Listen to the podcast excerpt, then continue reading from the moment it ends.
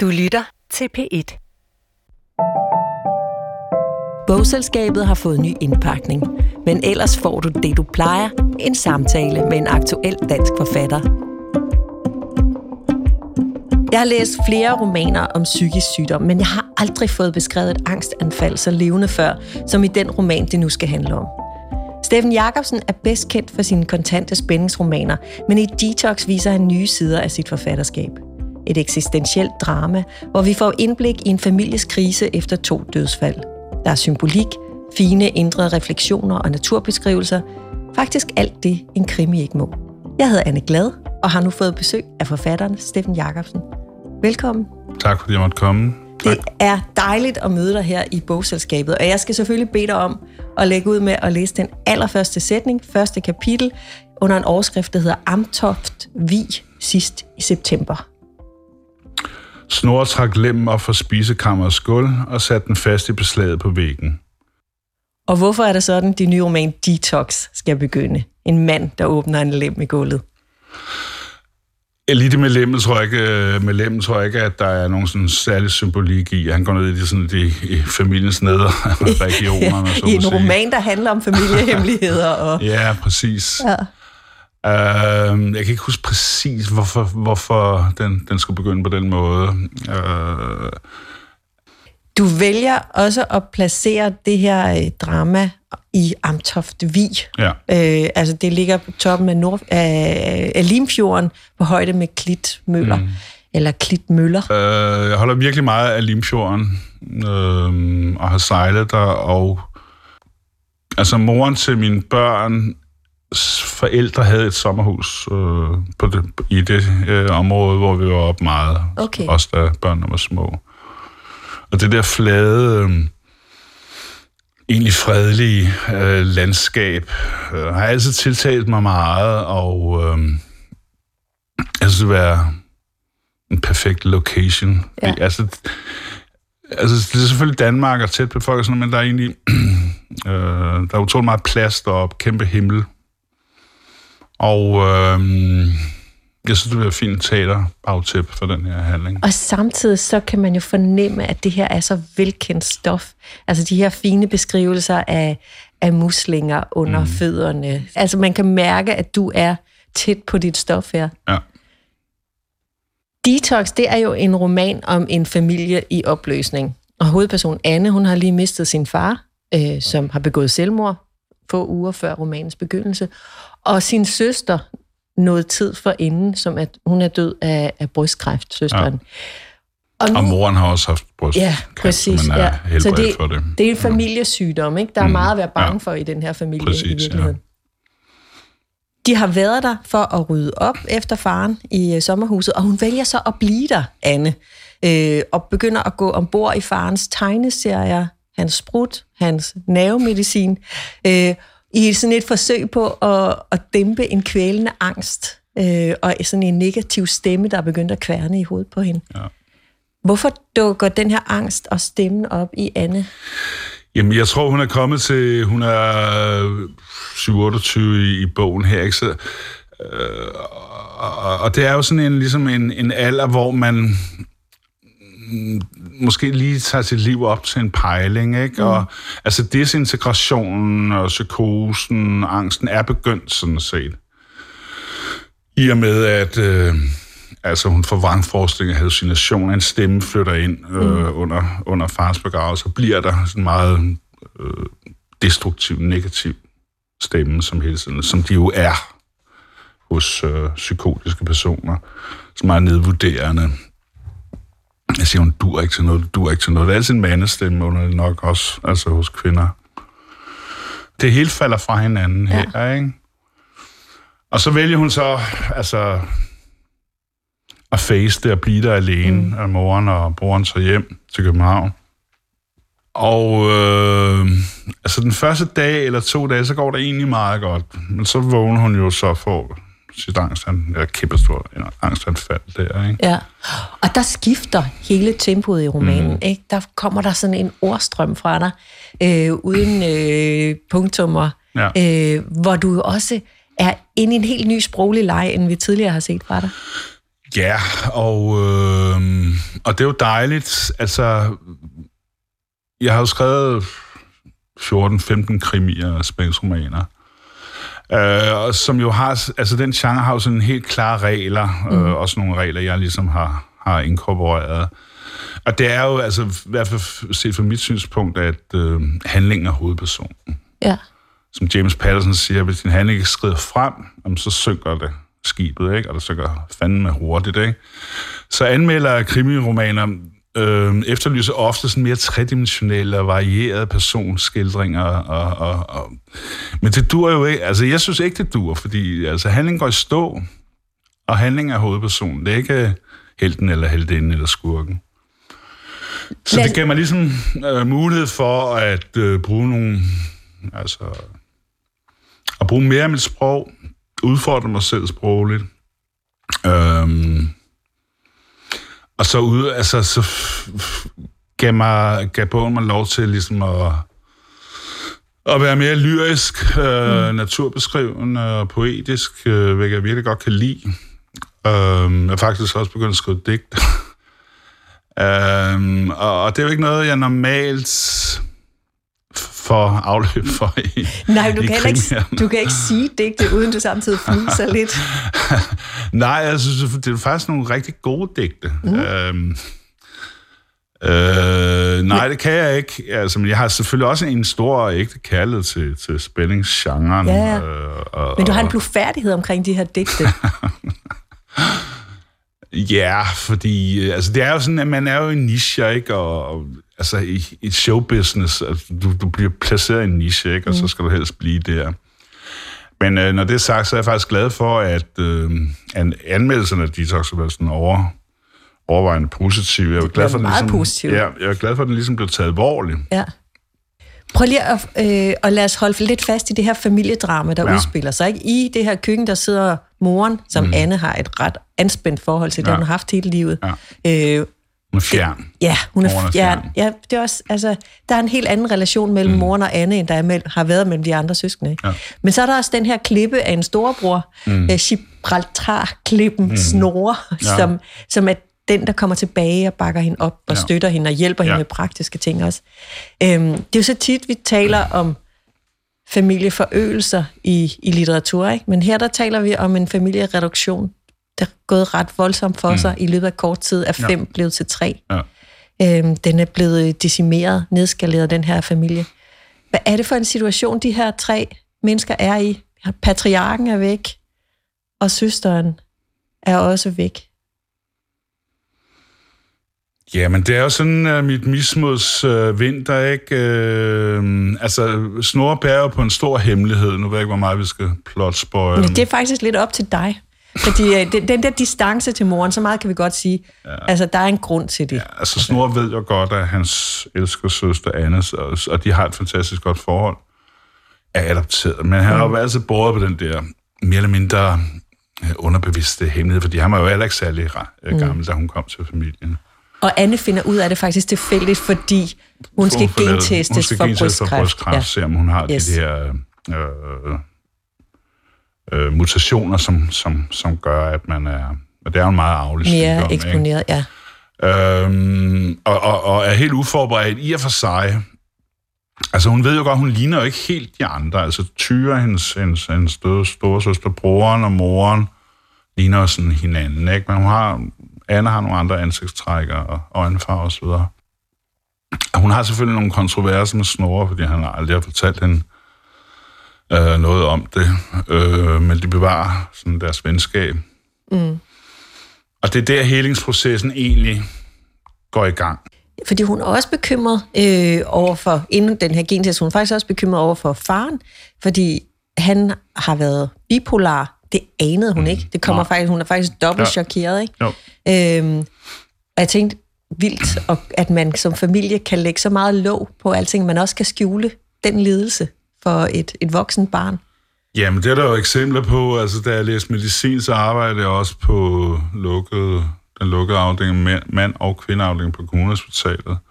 Og der fik vi jo en gang imellem sådan nogle af samfundets øverste spidser indlagt med depression eller psykose. øh, som man jo kendte fra aviser og fjernsyn, og som man aldrig har drømt om, at mm. man aldrig har hørt om, øh, havde også en, en, en ledsaget, en alvorlig øh, sindssygdom. Faren har været øh, på konferencer, Ja, måske er, i perioder, er hvor han har været indlagt. en stor kanon Ja. ikke, inden for sit felt, ja. Øh, professor på Rigshospitalet og så videre. Så man har jo også haft en interesse både fra fagfællesskabet og, og hospitalet, og så især Snorre her, som ligesom har været øh, den, der har taget sig af det, mm. alt det praktiske, også med at, at, at skjule faren og sindssyg. Øhm, så der har været sådan et, et, et cover-up mm. af faren der, ikke? men, men øh, Anne har ikke anet noget, ikke før hun finder, at han har sådan en halvt apotek stående deroppe i sommerhuset. Det her med dødsfald i familien, det er også noget, du selv har erfaring med.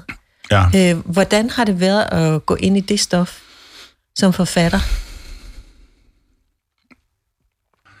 Ja, altså det...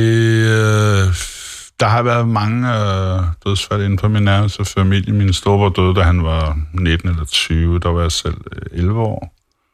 Så der har også været en længsel efter, tænk hvis man har haft en velfungerende storebror, eller storesøster, eller øh, fa- andre familiemedlemmer. Altså, jeg har en storesøster, som er super fin. Øhm, men jeg har haft en storebror, kunne jeg måske nok godt have tænkt mig, Uh, så der er der sådan en vis nostalgisk smerte på spil der.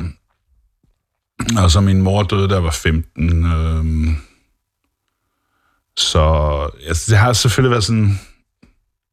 Altså, man har besøgt det, ikke? Men jeg, Mm. jeg synes nok, det påvirker mig under, under manuskriptet. Altså, der skrev det.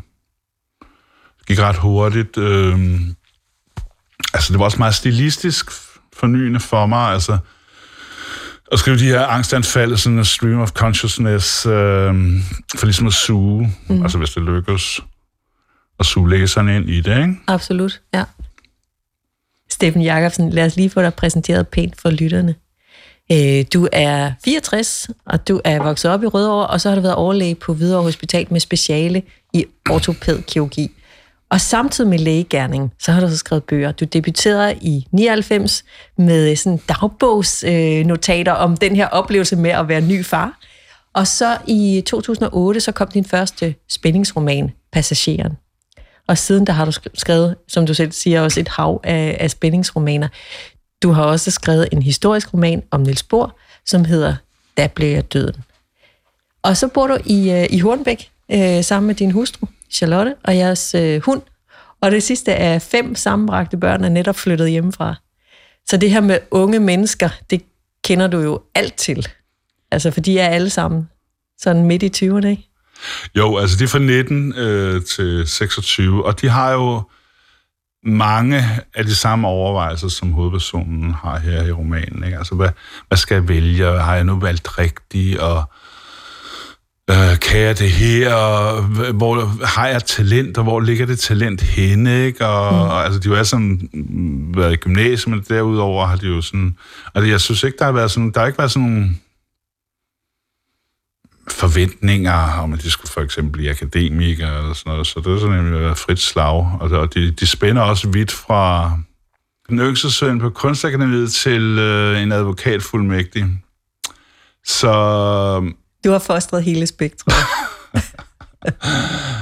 øh, altså tre af dem er så fostret af, af min hustru og, og, og hendes eksmand. Men Men der er politisk og uddannelsesmæssigt vil jeg sige, de spænder fandme vidt. Ja.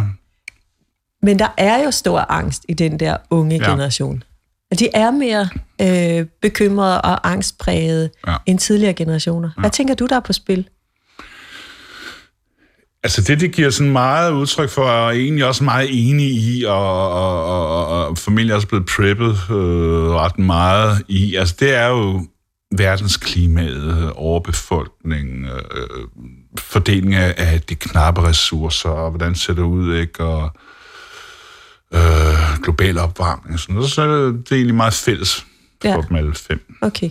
Og det er forståeligt nok, at de er bekymrede for, om der er en planet til dem På den anden side børn. har de jo uddannelsesmæssigt enormt, haft en enormt gode muligheder, ikke? Altså verdens højeste SU og så videre, så videre. Så på den måde er det måske mere deres indre begrænsninger end de ydre begrænsninger. Mm. Øh, jo, og så forestiller man sig også, når man er den alder, at det er så determinerende, det man gør.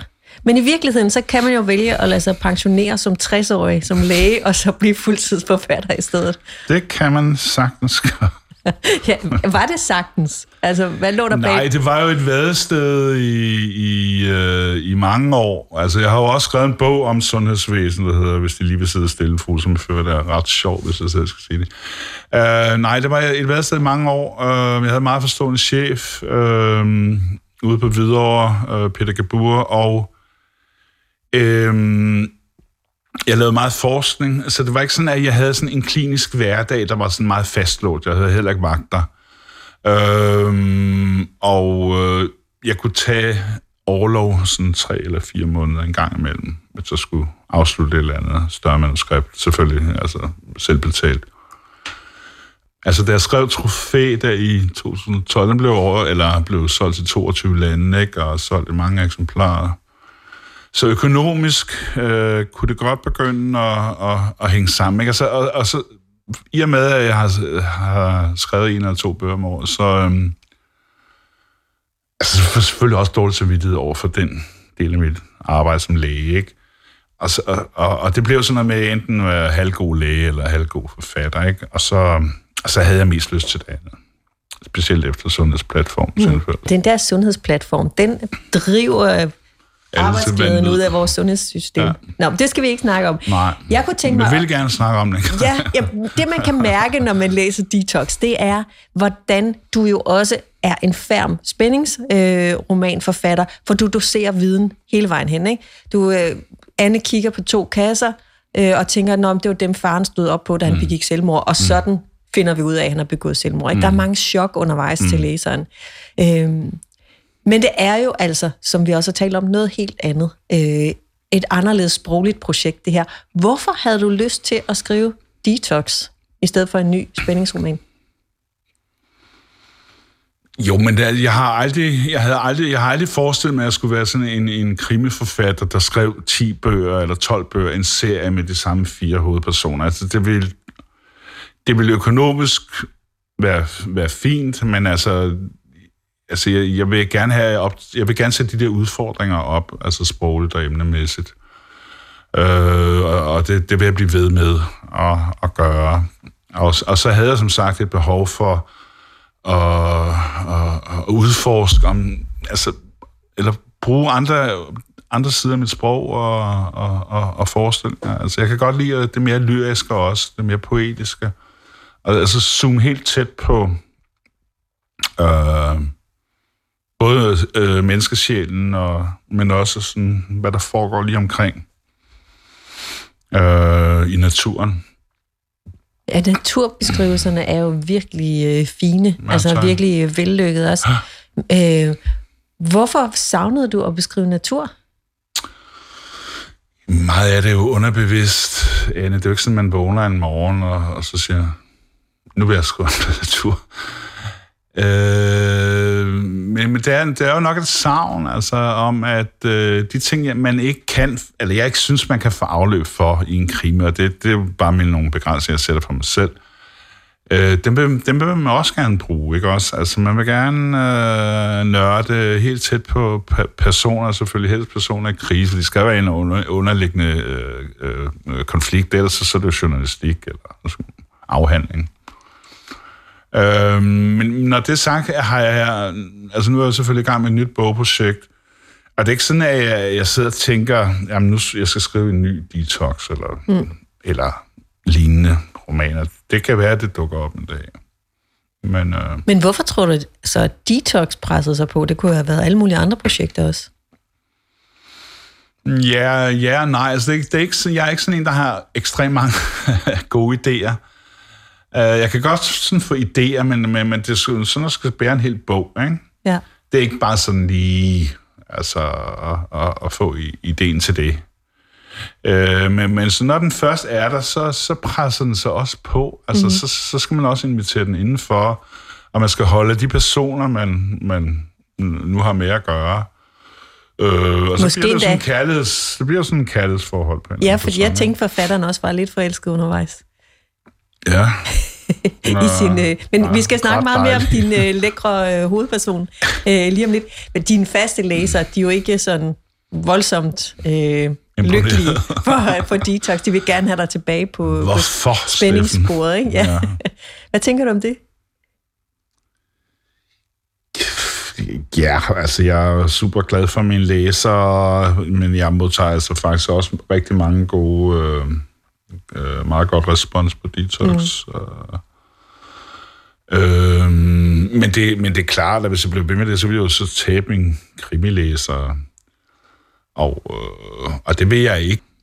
Lad os tale øh, lidt mere om din hovedperson, Anne. Ja. Øh, hun er soveramt, øh, hun er alene, hun har angstanfald, psykotisk. Øh, og jeg synes, at det var på sin plads, at du læste en øh, passage højt. Ja. Øh, side 62, nederst, fra angsten krøllede hende sammen. Angsten krøllede hende sammen som papir. Hun rev sig i håret, så kom hun op og støttede panden mod køkkenbordets kant. Det var så pisseuretfærdigt. Hun talte jo lige med snore i telefonen. Det var umuligt at åbne øjnene, så hun krabbede sidelæns langs køkkenbordet og famlede efter knivblokken, og lød som den rev, faren engang havde kørt ned, men som stadig levede, da de nåede hen til den i lyset for bilens forlygter, og den havde brækket ryggen og krasset sig rundt i ring, fordi dens bagkrop var lammet. Og nu kæft for fanden, bare en rev. Men det var ikke bare en rev, kunne hun se i farens ansigt. Hun var vel otte år gammel. Og den så ikke på dem, men hørte dem, for den kredsede hurtigere og hurtigere uret rundt om sin knuste rygmarv. Nu skal du gå tilbage i bilen, Anne, lige nu. Men far, lige nu for fanden, ungen. Hun satte sig ind i bilen uden at lukke døren, og så faren samle reven op ved bagbenene, svinge den højt op over skulderen og smadre dens baghoved ned i asfalten. Og så bevægede den sig ikke mere, var livløs. Hele vejen hjem græd de begge to, og de begravede reven dybt i haven, selvom det var blevet så sent om aftenen. Knivblokken væltede, og Anne jamrede højt, men fik så fat i et håndtag og kunne lige åbne øjnene nok til at hugge en stegegaffel ind i venstre overarm, så hårdt, at gaflen støttede mod knoglen derinde. Smerten klarede nogle millioner hjerneceller op, så hun kunne åbne brødkassen, tænde lyset under den øverste række køkkenskabe og sluge to af farens alprazolam, som lå i brødkassen. Hun sank den med hænderne under vandstrålen og jagtog blodet, der løb ud under trøjeærmet. Blodet forgrenede sig ud over håndledet og tommelfingeren, og drøbte ned i stålvasken og blev taget af vandet. Altså, hvordan kan du beskrive angst og psykose øh, så indsigtsfuldt? Du er ikke, altså, du er ortopædkirurg, altså du er ikke psykiater. Jeg har ikke haft psykoser eller angstanfald, men, øh, men altså, jeg prøver ligesom, at forestille, hvordan det er. Men, men den forestillingsevne, jeg er bare øh, næsegrus. Altså, jeg vil, jeg vil som minimum gå ud og tale med nogle angstramte mennesker for at drive det her op. Ja, men det skal man jo have som forfatter. Du kan jo ikke øh, researche dig til alting. Altså, så du bliver nødt til at finde på. Ikke? Altså, at det er jo showbiz, Anne. Du bliver, nødt, du bliver nødt til at, Ja. at finde på. Jeg ved så til gengæld, at du, øh, du har selv øh, haft depression. Ja, Øhm, det var det helt modsatte. Ja, nemlig. Kan du bruge den indsigt til noget som helst, når du skal skrive den anden følelse her frem, angsten?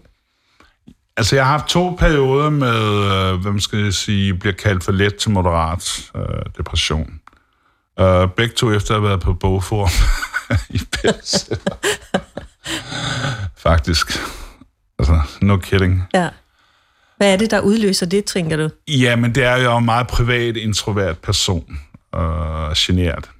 Øh, men jeg vil også gerne sælge nogle bøger og kunne leve af det. Så, Ja. så, så der er jo perioder med, med stor eksposition, altså interviews. interviews og så videre. Og det er jo ikke rigtig mig, så jeg gør vold på mig selv. altså ikke fordi jeg er noget imod det i situationen, øhm, men, men det er bare ikke mig. Altså det er, det er en slags overgreb, og hvis jeg ikke respekterer det, så får jeg en, depression. Hvorfor griner du, når du taler om det? Ja, fordi vi sidder i en interviewsituation her. Og det er rigtig, det er rigtig dejligt. Man ikke få dårlig samvittighed eller noget. Men jeg kan ikke... øh, Det er meget svært at beskrive. Men en depression med beskrive sådan, at du, det er ligesom at være i et rum, et, et lille rum uden udgang og indgang eller vinduer. Men der er, der er sådan en svag lys derinde. Og du kan ikke foretage dig noget. Jeg, kan, du, jeg kunne ikke læse en, en linje i en avis. Altså, det hele bliver låst ind. Og så det andet er, at din sjæl, i mangel af bedre øh, ord, bliver en fysisk ting, som gør ondt. Mm. Din sjæl gør simpelthen pissehammerende ondt. Og normalt er det ikke sådan, at man går rundt og mærker sin sjæl. Um, men det gør man, når man har den her depression. Amina gudskelov ikke krævet indlæggelse eller elektroshock eller sådan noget. Øhm, men det tager da sin tid. Altså, det tager en seks uger eller sådan noget, før man mm. sådan er ude af det, ikke? Under, under medicinering. Øhm, men jeg, ikke, jeg har aldrig haft angstanfald eller bangeforestillinger. Og jeg har heller aldrig haft manier, desværre. Hvis det sådan, da var sådan, at man var lidt manisk en gang, men også, men der, jeg er bare deprimeret. Anne her, hun er jo, udover at hun lider angst, så hun er også sådan psykotisk. Ja. Øhm, og det gør jo, altså, at hun bliver sådan, øh, også sådan en lidt old school femme fatale. Altså hun sammenligner sig selv så selv med Uma Thurman i Pulp Fiction, eller Beatrice Dalle i ja, Betty Blue. Ja, ja. Hun bliver promiskuøs. Øh, det er så spørgsmål, om det er indbildt, eller ikke er indbildt. Jeg tror nok ikke, det er indbildt. Ja. Og hvilket jo også er, kan være et tegn, øh, eller kan være et kendetegn ved de her debuterende psykose, eller ja. debuterende skizofreni, at, at øh, altså man bliver grænseløs. Ikke? Man, øh, man føler, man flyder over i andre, og kan også for både mænd og kvinder kan det udarte til sådan en helt sindssyg promiskuitet, ikke? altså man knalder sig højere Eks- Eksempelvis så har hun angiveligt sex med en tilfældig soldat, der sidder ja. overfor hende i toget. Øh, så det her sexede lag, hvad var tanken, at det skulle tilføre hende? Øh, jamen ikke andet end som et slags symptom. Der er mange andre symptomer, ikke? Altså hun, hun, hun går jo hele tiden i stå, ikke? Altså så ligesom sådan en plade, hun kan fortabe sig i sådan belægningen på, på, på en jernbanestation, ikke? Altså, som ligesom udløser. Og det er jo sådan meget karakteristisk. Ikke? Så til trods for, at du siger til mig, at, at det er bare noget, du forestiller dig, så har du jo ret meget indsigt, altså konkret viden om de her ting, øh, som du bruger øh, litterært. Ja, altså jeg har jo været læge 30 år, ikke? Steffen Jakobsen, nu kunne jeg tænke mig at høre, hvad du synes, der er god litteratur, og hvilken bog du har lyst til at anbefale til bogselskabets lyttere. Jeg ved, at du er meget glad for Torkil Hansen. Ja. At det er sådan en genbesøg. Altså, det er jo en forfatter, jeg læste for mange, mange, mange år siden, og man sådan en genbesøg, øh, og det holder bare max. Altså, øh, den bog, jeg anbefalede til det her program, det var Jens Munk, den her tragiske, tragiske historie om øh, en norsk-dansk kaptajn, som skal for, på Christian Fjers foranledning først prøve at finde noget østpassagen til Indien. Da det mislykkes, øh, så skal han så, så udruster han en, et, to skibe skal så prøve at finde nordvestpassagen, altså nord om Alaska og Nordamerika og bliver den første, som øh, egentlig navigerer op mod Hudson, en kæmpemæssig Hudson-bugt. Vinteren indhenter dem, øh, og ud af 64 mennesker dør 61 personer faktisk ret hurtigt mm. i den her vinter. Øh, primært skørbu, som var en, en sygdom, som er lidt behandlet som med C-vitamin, men som man ikke kendte årsagen til. Så, så, så det bliver jo en, en kæmpemæssig fiasko. Faktisk så, så overlever Jens Munk sammen med øh, to andre og forsejlet, selv forsejlet det der skib hjem til Bergen, hvor han så bliver smidt i fængsel, fordi hans, hans mission er mislykket. Øh, men det er en meget heroisk fortælling af fantastisk velskrevet. Torkel Hansen, Jens Munk, anbefaling hermed givet videre. Jamen, så er det spændende. Det er, hvad der kommer fra din hånd næste gang, om det er lyrik, om det er en ny, et nyt drama, eller det er en spændingsroman. Og jeg kan fortælle lytterne, at Steffen Jacobsen sidder og klukker. Det bliver, i hvert fald, det bliver nok ikke til en digtsamling i hvert fald. Uh, jeg har kun ni digt. jeg tror, der skal noget mere til. Steffen Jacobsen, tusind tak, fordi du kom til Bogselskabet. Meget du takker. Jeg hedder Anne Glad, og her i Bogselskabet kan du hente inspiration til dine kommende læseoplevelser. Søg på Bogselskabet i DR Lyd på nettet, eller hvor du ellers henter din podcast.